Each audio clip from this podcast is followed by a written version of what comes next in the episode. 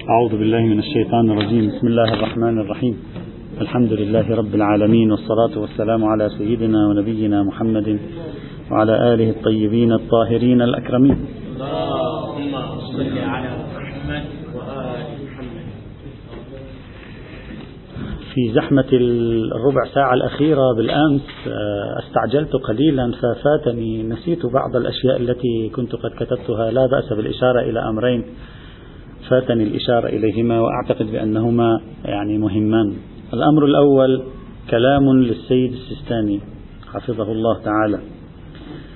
عندما تحدثنا عن العينات الثلاث التي ذكرناها عينة الشيخ المطهري وعينة الشيخ شمس الدين وعينة الشيخ الصانعي ذكرت بأنه يوجد آخرون لديهم أيضا مواقف شبيهة آه، تختلف سعة وضيقا شدة وضعفا عن مواقف هؤلاء الثلاثة.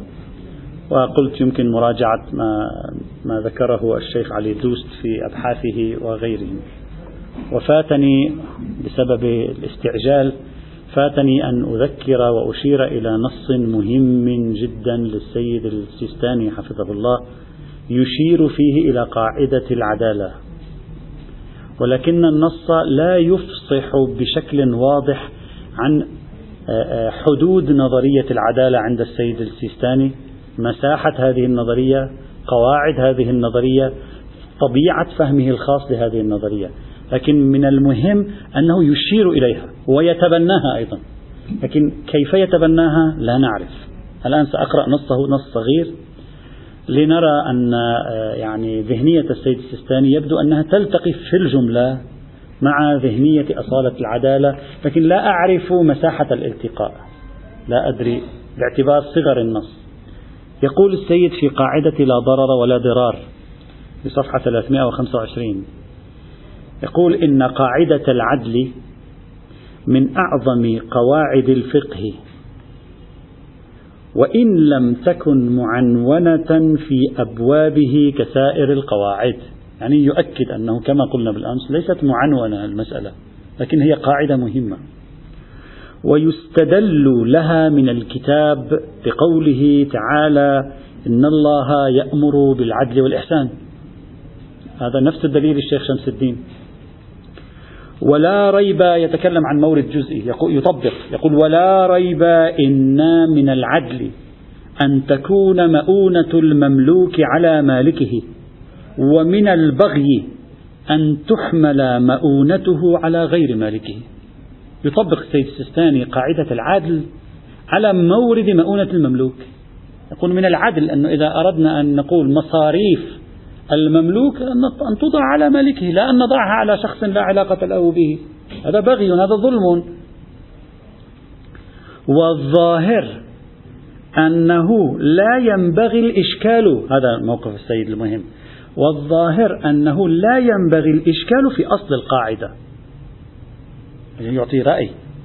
كما دلت عليه الآيات الشريفة كقوله وإذا حكمتم بين الناس أن تحكموا بالعدل كما سيأتي ذكر الأدلة إن شاء الله. وقوله تعالى وأمرت لأعدل بينكم إلا هذه الجملة التي نأمل من الإخوة أن يساعدون فيها. إلا أن البحث يقع في أساسه. أساس قاعدة العدل. وضابطه الكلي وقد أوضحنا بعض القول فيه في بعض المباحث الأصولية. أنا شخصيا راجعت بالمقدار المتوفر بين يدي مما طبع لسماحته. لم أجد أين بحث هذه القضية. إذا بعض الإخوة يخدمون الجمع كله هنا مشكورين في أن يفتشوا لنا أين تعرض لها السيد وإن لم يكن قد تعرض لها فيما نشر له حتى الآن من بحوث أصولية إذا لهم صلة ببعض من هم بإمكانهم أن يعني يطلعون على هذه البحوث فيمكن أن نستفيد منها ستكون قيمة. لنرى رأيه في هذه القاعدة مهم. رأي أمثال السيد السيستاني في قاعدة مثل قاعدة العادل. ماذا يق... ربما يكون حدود هذه القاعدة ضيقا عنده. لا أستطيع أن ننسب لذلك لم أجعله عينة رابعة. لأنني لا أعرف فهمه لهذه القاعدة. واضح أنه يؤصلها. أما فهمه لها مساحة تطبيقها غير واضح. وإن كان ما يظهر من هذا النص اليتيم أنه متحمس وأنه يطبق القاعدة على مورد جزئي تماما كما فعل الشيخ شمس الدين وكما فعل الشيخ صانعي. لكن مع ذلك لأن النص يتيم لأنه نص حصري لا نجد نصا آخر لا نستطيع أن ننسب إليه شيئا واضحا في هذا الإطار. نأمل أن نوفق أن نحصل على بحوثه التي أشار إلى أنه في بعض بحوثه أشار لشيء متصل بهذه القاعدة. نأمل أن نوفق في الحصول على ذلك لنعرف مبانيه وفهمه لهذه القاعدة لتكون إضافة نوعية إن شاء الله إلى هذه آه، إلى البحوث التي تكتب في هذا المجال. هذا الأمر الأول الذي فاتني أن أشير إليه بالأمس. الأمر الثاني الذي فاتني أن أشير إليه بالأمس أننا عندما قسمنا العدالة بعدة تقسيمات جعلنا التقسيم الأول العدالة بملاحظة الحاكم بها. وقلنا بأن الحاكم بالعدالة إما العدالة الشرعية أو العقلية أو العقلائية أو العرفية أو التوافقية. وذكرنا بعض الفروقات فيما بين هذه الموارد. ثم ذكرنا تقسيما ثانيا وهو العدالة بملاحظة مجال جريانها. وقلنا هذا إلى ما شاء الله يمكن أن تقسم بالطريقة التي أنت تختارها في التقسيم. يمكن أن نتكلم عن عدالة اجتماعية عن عدالة سياسية عن عدالة اقتصادية عن عدالة علمية ثقافية إلى آخره مما شئت. آه، عدالة قضائية مجالها مجال القضاء مجالها مجال الاجتماع. ثم ذكرنا تقسيما ثالثا وهو العدالة بملاحظة حجية الحكم بها. في هذا التقسيم قسمنا العدالة إلى التنجيزية والتعليقية. إذا الإخوة يذكرون بالأمس. لا أريد أن أعيدها إن شاء الله صارت واضحة. يوجد تقسيم ثان للعدالة بملاحظة حجيتها أو حجية الحكم بها فاتني بسبب السرعة في آخر الدرس وهو أن نقسم العدالة إلى العدالة الاحتكارية والتفويضية. إذا صح التعبير. أختار هذا المصطلح. نقصد بالعدالة الاحتكارية أن يدعى أن تشخيص الفعل العادل من الفعل الظالم. أو السلوك العادل من السلوك الظالم تحتكره الشريعة. لا ليس بالمعنى السلبي للكلمة. يعني تستبد به الشريعة. تعلن الشريعة أن لا أحد بإمكانه أن يشخص مصادق العدل والظلم. والمفوض أو الناطق الحصري الوحيد في تطبيق العنوان الظلم والعدل على المصادق هو الشريعة. فالعدالة حينئذ عدالة احتكارية أي محتكر تشخيصها من قبل الشرع. النوع المقابل يمكن أن نسميه بالعدالة التفويضية بمعنى وهو الذي يميل إليه أنصار قاعدة العدالة. عندما يقولون العدالة قد تشخصها الشريعة تارة وقد تفوض الشريعة لغيرها أن يشخص العدالة والظلم فتفوض ذلك للعقلاء في أن يشخصوا. إذا فوضت الشريعة للعقلاء أن يشخصوا العدل والظلم صارت هذه العدالة ناتجة عدالة تفويضية. أي امتلكت حجيتها من التفويض الإلهي من التفويض الشرعي. وهكذا لو أجازت الشريعة وفوضت العقل في أن يشخص إلى آخره. إذا هذا تقسيم ثالث بملاحظة التقسيم الثالث اللي هو تقسيم العدالة بملاك حجية الحكم بها. يمكن أن نقسمها من حيث الحجية إلى عدالة تنجيزية وعدالة تعليقية. ويمكن أيضا أن نقسمها إلى عدالة احتكارية أو حصرية وإلى عدالة أعم من الحصرية والتفويضية. التقسيم الرابع الذي ذكرنا بالأمس هو تقسيم فلاسفة الأخلاق. العدالة من حيث الإطلاق والنسبية. وهذا التقسيم يهمنا جدا إخواني الأعزاء لأن كثيرا أو بعض الذين ذهبوا إلى نظرية قاعدة العدالة اعتبروا أن العدالة نسبية في الجملة على الأقل في الجملة. وهذا هذا بالتحليل أصل مفروض عندهم.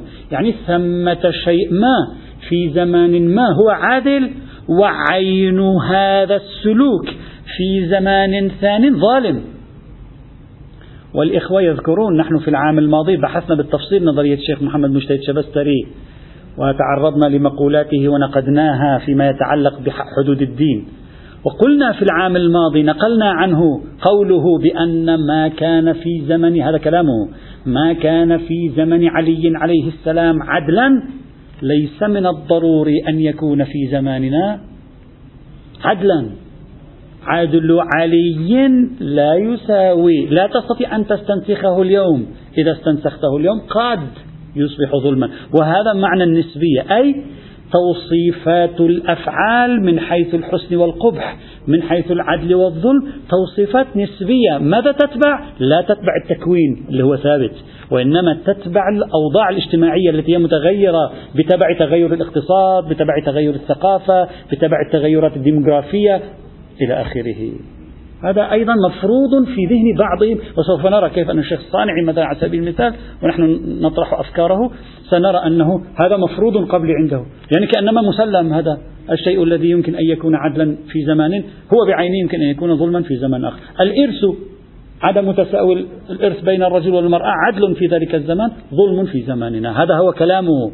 وبالتالي مفروضهم التمييز في العدالة بين الإطلاقية والنسبية. فليبقى هذا في ذهننا. طيب. إذا حتى الآن انتهينا من الاستدراكين اللذين فاتنا بالأمس. حتى الآن تكلمنا بمقدمة ثم ذهبنا لماذا اتجهوا إلى التفكير بشيء مثل قاعدة العدالة ثم ذكرنا التراث الفقهي كيف تعامل مع موضوع من هذا القبيل؟ ما هي حدود فكرة العدالة في التراث الفقهي؟ ثم ذكرنا الزحزحة الجزئية التي حصلت عند بعضهم في القرن الأخير وذكرنا ثلاث عينات في هذا السياق ثم ذكرنا تقسيمات العدالة. كل ذلك ليس لي غرض هنا أن أبحث في فلسفة الأخلاق. ها ليس بحثنا هذا بحث لا, لا نهاية له. فهدفي فقط من خلال استجلاء هذه المفاهيم عندما سنأتي إلى أدلتهم سنفهم الفكرة أكثر. حتى تكون فكرة واضحة. الآن سؤال قبل الانتقال إلى الأدلة. هل قاعدة العدالة قاعدة أصولية أو قاعدة فقهية؟ لست من الأشخاص الذين يهمهم كثيرا أن يصنفوا هذه القاعدة هل هي في الفقه أم في الأصول. ما دامت القاعدة مفهومة وما دام دورها مفهوما. هذا وظيفة أولئك المختصين بفلسفة العلوم أو بتنظيم العلوم من شأنهم أن يقولوا لنا هذه القاعدة أين ندرجها وهذا البحث؟ أين ندرجه؟ بحث التجري هل هو أصولي أو هو بحث كلامي مثلا؟ بحث اعتبارات الماهية الذي ندرسه في الإطلاق والتقييد في الأصول هل هو بحث أصولي أو هو بحث فلسفي؟ لا علاقة لنا به مفروض قبلي إلى آخره. لكن ما يهمني هنا وأنا أشرح احتماليات أن هذه القاعدة أصولية وهذه القاعدة فقهية أن نفهمها. لأننا سوف نفهمها أكثر ونحن نشرح احتمالية أنها قاعدة أصولية أو أنها قاعدة فقهية. يبدو من بعض الذين انتصروا لقاعدة العدالة من ثنايا تعابيرهم أنهم يصنفونها كقاعدة فقهية. وبالتالي لا تكون مدرجة في قواعد أصول الفقه التي هي قواعد الاجتهاد. هذا مهم بالنسبة إلينا. لا تعود مدرجة في قواعد الاجتهاد بالمعنى الأصولي لقواعد الاجتهاد. وإنما هي قاعدة فقهية مثل قاعدة ما يضمن بصحيحه يضمن بفاسده. مثل آه، مثلا آه، الأمين غير ضامن. قاعدة فقهية. مثل عشرات القواعد الفقهية التي نعرفها يبدو من تعابيرهم بل من صراحة بعضها في ثنايا كلماتهم خاصة توجه أمثال الشيخ الصانعي أنهم يتعاملون معها كقاعدة فقهية. الآن سنفهم كيف تصبح قاعدة فقهية. يعني حتى الآن تصوراتنا أن قاعدة أصولية صارت لأنها تستنبط منها أحكام شرعية. لكن هكذا يقدمونها كقاعدة فقهية في هذا الإطار. ويقولون خاصية القاعدة الفقهية أنها كلية وأنها مستندة إلى دليل شرعي وأنها قابلة للانطباق على مصادقها. وهذه الخاصية موجودة في قاعدة العدالة وبالتالي قاعدة العدالة قاعدة فقهية. سأذكر هنا افتراضين من, من, من ذهني لن, لن هم هكذا قالوا فقط. سنذكر نحن افتراضين نطرحهما من ذهننا وعلى كل من الافتراضين نحاول أن نتصور هذه القاعدة بشكل أوضح. الافتراض الأول. أن نقول قاعدة العدل ونفي الظلم قاعدة أصولية وأخطأ من يتصور أنها قاعدة فقهية. أصلا لا لم يفهمها من يتصور أنها قاعدة فقهية حتى لو كان هو صاحبها؟ حتى لو كان هو صاحب لم يفهمها. مثلا قد واحد يدعي هكذا. كيف؟ المتعارف في تمييز القاعدة الفقهية عن القاعدة الأصولية الآن اللي هو صار سائد الآن وصار تقريبا شبه بديهي بتأثيرات خاصة بتأثيرات مدرسة الميرزا النائيني وغيره.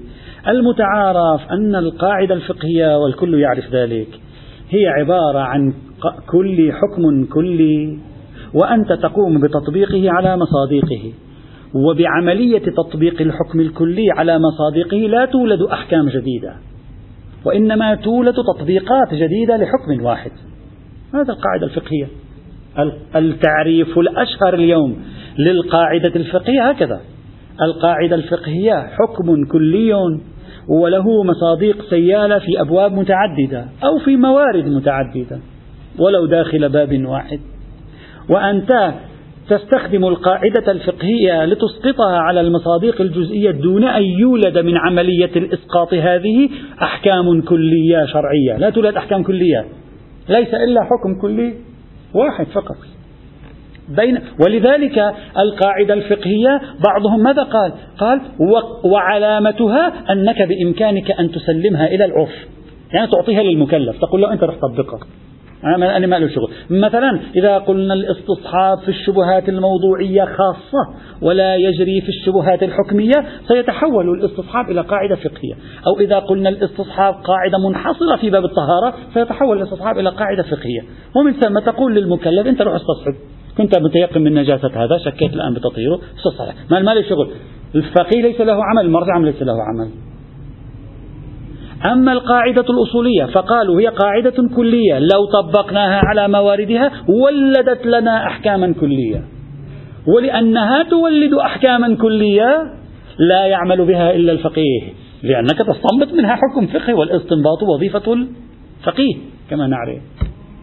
هذا هو التعريف السائد الآن نأتي بهذا التعريف لنفهم قاعدة العدل ونفي الظلم وفقا لهذا التعريف. هل قاعدة العدل ونفي الظلم قاعدة فقهية أم قاعدة أصولية؟ ينبغي أن يقال على الافتراض الأول ما زلنا على الافتراض الأول.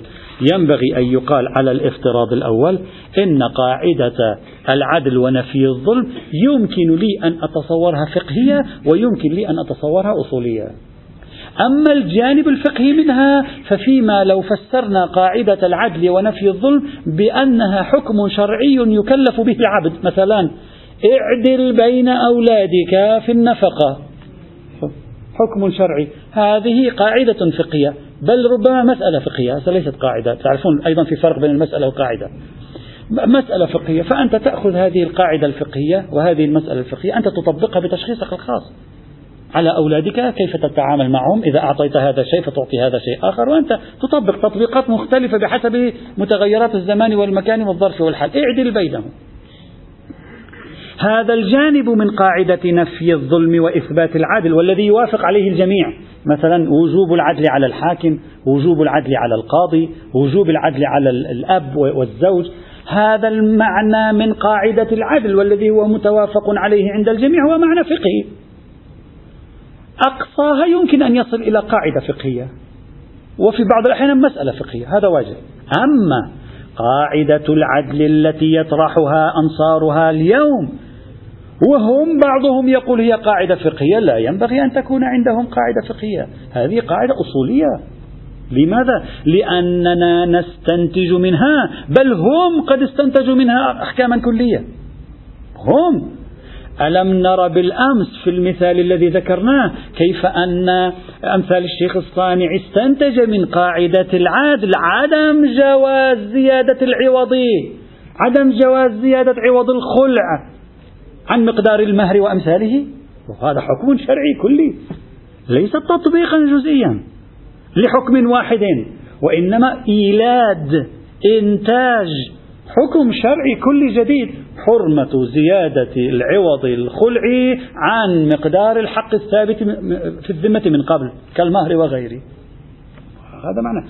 بل قد استنتج هو بنفسه أيضا من نفس القاعدة وجوب طلاق الخلع. إذا تحققت شروطه من طرف الزوجة وهذا وجوب طلاق الخلع حكم كلي. فإذا قاعدة العدل التي يتحدث عنها أنصارها وفق بيانهم وتطبيقهم لها يفترض أن تكون قاعدة أصولية. لأنها تنتج لنا سلسلة من الأحكام الكلية في الموارد المختلفة المتعددة فتقيد وتخصص و وإلى آخره. ورأينا الآن كيف أن السيد السيستاني ذكر مثالا. واعتبر أن جعل مؤونة المملوك على غير مالكه ظلم. وإذا هذا نتيجته ما هو؟ فتوى. مؤونة المملوك على مالكه لا على غير مالكه. وهذا حكم كلي أيضا. إذا الافتراض الأول يقول إذا حللنا هذه القاعدة من خلال تطبيقات وممارسات وكلمات أنصارها الوضع الطبيعي أن نفهمها على أنها قاعدة أصولية. لا أن نفهمها على أنها قاعدة فقهية في هذا الإطار. فإذا هذا وجه هذه زاوية يمكن أن تتصور فيها أنت قاعدة العدل ونفي الظلم. افتراض ثان زاوية أخرى. يمكن أيضا أن تفترض قاعدة العدل ونفي الظلم قاعدة فقهية. ونحن نحلل هذه الافتراضات نحن يزداد فهمنا للقاعدة. هذا هو قصدي فقط. لا أريد أن نضيع وقتنا في هذه القاعدة وين نضعها هذا لا. كيف قاعدة فقهية؟ نقول غاية ما في هذه القاعدة أنها مثل قاعدة نفي الضرر ونفي الحرج. في قاعدة فقهية نفي الضرر ونفي الحرج. ليست قاعدة أصولية. ولذلك في بحث موضوع علم الأصول وتعريف علم الأصول ألا تجدهم عندما يتصارعون في تعريف علم الأصول يقولون كيف نخرج قاعدة لا ضرر؟ لأن المشهور بينهم أنها قاعدة فقهية وليست قاعدة أصولية. مدعى من يقول بقاعدة العدل ونفي الظلم أنها قاعدة فقهية. ما معنى قاعدة فقهية؟ يعني سنخ قاعدة حاكمة على جميع الأدلة الأولية. مثل لا حرج. سمعت أحد قال يوم من الأيام لا حرج قاعدة أصولية؟ ليست قاعدة أصولية. هذا مدعانا هكذا.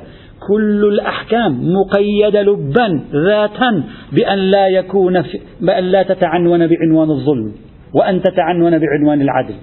فكلما رأينا موردا من الموارد تعنون بعنوان الظلم بالفهم العقلاء للظلم حسب ادعاء أنصار هذه القاعدة قلنا يأتي الدليل الحاكم الذي هو إن الله يأمر بالعدل والإحسان فيجري هنا ونرفع اليد نتيجة هذا العنوان الثانوي نرفع اليد عن الدليل. وبالتالي أيضا تصبح قاعدة فقهية ولا داعي لأن ندخلها في علم الأصول ولا داعي لأن نفكر أنها تنتج أحكاما جديدة. لك أن تقول تصويرين مختلفا الآن. ما هي حقيقة هذه القاعدة؟ كله سوف نستنتجه من خلال طبيعة الأدلة. طبيعة أدلة القاعدة سوف تفهمنا حقيقة هذه القاعدة. إذا كان يوجد قاعدة. يعني بعدين راح نشوف. يوجد قاعدة أو لا يوجد قاعدة في هذا الإطار. طيب. وهذا يقول لك أن بناء على توضيحات أنصار هذه القاعدة وعلى هذا الافتراض افتراض أنها قاعدة فقهية يقول مثل مثل مثل عنوان أذية المؤمن وهو عنوان ثانوي. الآن عدم الوقوف عند دخول أخيك المؤمن. عدم الوقوف في حد نفسه جائز. الوقوف هم في حد نفسه جائز. لكن يقولون لك إن تعنون بعنوان ثانوي وهو تحقق عنوان الأذية يصبح محرما. هو نفس الشيء. إن تعنون أي فعل أنتم تفترضونه في حد ذاته لا يتصف بعدل ولا بظلم. إن تعنون بعنوان العدل صار واجبا. إن تعنون بعنوان الظلم صار حراما. نفس القضية على هذا الوزان لا يوجد شيء آخر. ولذلك نجد أن أحد أبرز أنصار قاعدة العدل ونفي الظلم وهو الشيخ الصانعي في بعض حواراته المنشورة هو كيف يستدل في علاقة القاعدة بسائر الأدلة. يقول والأدلة اللفظية الدالة على هذه القاعدة والتي هي عنده في روحها مرشدة إلى حكم العقل هذه الأدلة اللفظية حاكمة على جميع الأدلة الأولية. يعني يجري فيها نفس ذهنية قاعدة لا ضرر يقول لك أنا هكذا أفهمها. هلا بعدين كيف؟ فهمه صحيح غير صحيح؟ يجي الكلام. إذا ذهنية لا ضرر أيضا موجودة عنده. وربما لذلك نجده في ثنايا كلامه نفهم منه أنه يراها قاعدة فقهية وليست قاعدة أصولية. طبعا بعدين لما نذكر أدلة القاعدة ونستخرج طريقة آه، خلاصة الاستنتاج منها هناك سنرى آليات التعامل مع هذه القاعدة وآليات التعامل ستفهمنا طبيعة هذه القاعدة. إذا فقط أريد هنا من خلال ذكر هذين الافتراضين أن أقول يمكن للإنسان أن يتصور هذه القاعدة ولادة أحكام كلية ويمكن له أن يتصورها محض عنوان ثانوي يوجب تجميد الأحكام الأولية في مورده. لك أن تتصورها بتصورين. هلا الآن الأدلة التي ستأتي معنا ماذا تعطينا في هذه القاعدة؟ يأتي إن شاء الله تعالى. بعد هذه المقدمة ولا أريد أن أطيل في البحث كثيرا نبدأ بالأدلة. ما, ما, ما الأدلة على قاعدة مثل قاعدة العدل ونفي الظلم؟ من خلال كلمات أنصارها تارة ومن خلال ما سنضيفه حد الإمكان تارة أخرى وسنغير في طريقة الأدلة وسوف نضيف عليها ما يمكننا ونرى. هل هذه الأدلة تنفع أو لا تنفع؟ الدليل الأول. وهو من أهم الأدلة عندهم. كما رأيناه في كلمات الشيخ شمس الدين كما رأينا في كلمات الشيخ صانعي بعض تلامذة الشيخ صانعي المنتصرين لهذه القاعدة. الدليل القرآني مرجعية العدل والقسط في النص القرآني. أول وربما يكون أهم الأدلة في تقديري وإن كان الشيخ كما قلت بعضهم يعتبره إرشاديا وليس آه، تأسيسيا النصوص القرآنية التي تؤسس العدل ونفي الظلم. إذا أردت أن آه، أسوي هكذا يعني إعادة آه، يعني تنظيم للنصوص القرآنية في موضوع العدل والظلم فيمكنني أن أجعل النصوص القرآنية على أربعة مجموعات.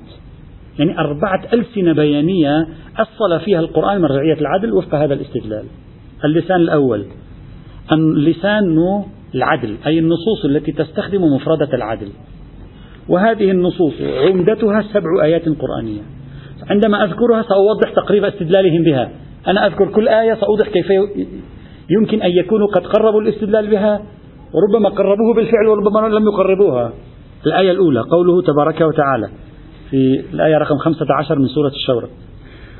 بسم الله الرحمن الرحيم. وقل آمنت بما أنزل الله من كتاب وأمرت لأعدل بينكم. الله ربنا وربكم لنا أعمالنا ولكم أعمالكم لا حجة بيننا وبينكم. الله يجمع بيننا وإليه المصير. آية واضحة قالوا. وأمرت لأعدل, لأعدل بينكم فأنا مأمور بالعدل. طيب أنا اليوم فقيه اليوم جاء رأى أن هذا المورد ظلم واضح.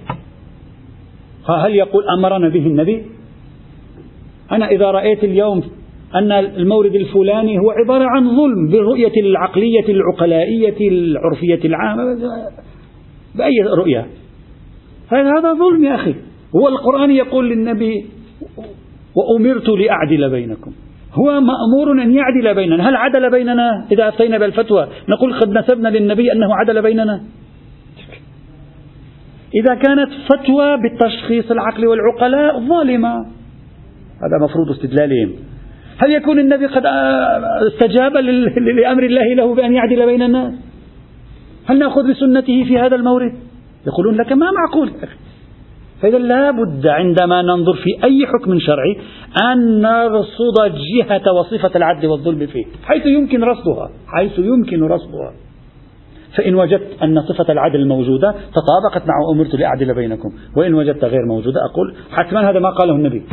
حتما لو قاله النبي ليس له إطلاق لمورد كونه ظلما بحالة كونه ظلما بحسب تشخيصنا.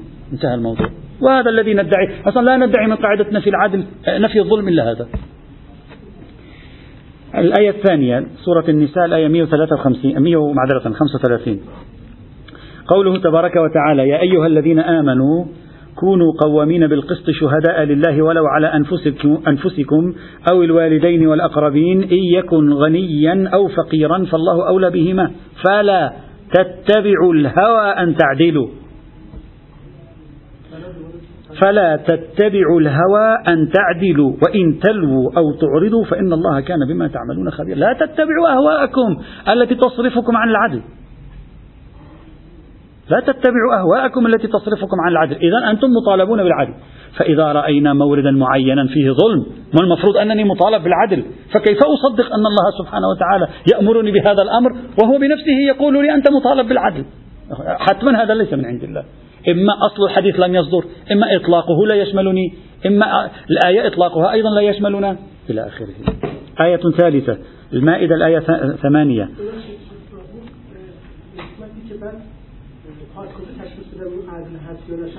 هذا الآن لما نذكر الدليل سنرى كيف فهموا أن هذه الآيات تفوض هذا التفويض تفوض العقلاء أن يفهموا.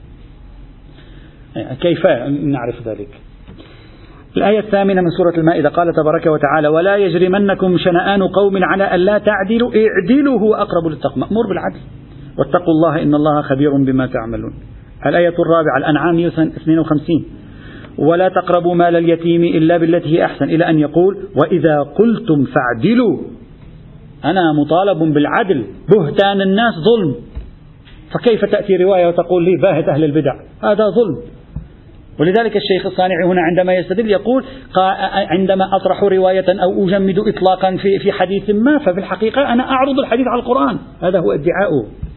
يقول أنا في الحقيقة لم أفعل شيئا إلا عرض الحديث على القرآن. القرآن يقول لي وإذا قلتم فاعدلوا. ثم أنا رأيت أن هذا خلاف العادل يا أخي. هذا ظلم. أن أباهت الناس بحجة أنني أختلف معهم في الرأي. فيخالف القرآن الكريم. وربما هذا هو السبب أيضا نفس النكتة التي عند السيد السيستاني. السيد السيستاني يرفض حديث صحيحة داود بن سرحان التي تجيز بهتان أهل البدع يرفضها لمعارضتها القرآن ورأيه هكذا يقول معارض القرآن. ولعل لديه نفس النكتة لا أدري خاصة عبارته التي قرأناها قبل قليل لا أدري. وإذا قلتم فاعدلوا ولو كان ذا قربى وبعهد الله إلى آخره. وهذه أيضا يقولون لك هذه آية واضحة. الآية الخامسة النساء 58 إن الله يأمركم أن تؤدوا الأمانات إلى أهلها وإذا حكمتم بين الناس أن تحكموا بالعدل. فهذا الفقيه ولي الأمر القاضي الذي يحكم بين الناس اليوم ويرى أن هذه الفتوى أو تلك الفتوى أو أن إطلاق هذا الدليل أو ذاك الدليل يحقق الظلم في المجتمع. كيف يبرئ ذمته من قوله تعالى وإذا حكمتم بين الناس أن تحكموا بالعدل؟ يقولون لك هذا معناه لا بد له أن يجمد لا يجمد بعنوان مصلحة وثانوي لا لا هو في ذات الشريعة يصبح مجمدا. مثل عنوان لا ضرر في ذات الشريعة يصبح مجمدا في مورد الضرر. هنا نفس الشيء في ذات الشريعة يصبح ملغيا في مورد الظلم. الآية السادسة ما قبل الأخيرة وهي من أبرز الآيات التي استدل بها هنا في المقام. شيخ شمس الدين ذكرها وغيره كثير ذكر من الذين طرحوا هذا الموضوع. إن الله يأمر بالعدل والإحسان وإيتاء ذي القربى وينهى عن الفحشاء والمنكر والبغي يعظكم لعلكم تذكرون. أو لعلكم تذكرون. واضحة. يأمر بالعدل وينهى عن البغي يعني الظلم. فإذا الله فإذا أنا رأيت هذا ظلم أقول الله لا لم يأمر به حتما لا يأمر به الله لا يأمر بالظلم. الآية الأخيرة وهي الآية 114 إلى 115 من سورة الأنعام قال تبارك وتعالى أفغير الله أبتغي حكما وهو الذي أنزل إليكم الكتاب مفصلا والذين آتيناهم الكتاب يعلمون أنه منزل من ربك بالحق فلا تكونن من الممترين وتمت كلمة ربك صدقا وعدلا. قالوا كلمة الله عدل وليس فيها من ظلم. فكيف أستطيع أن أصدق حينئذ أن هذا الحكم من الله وأنا أرى أنه ظلم؟ هذه بالنهاية مفارقة.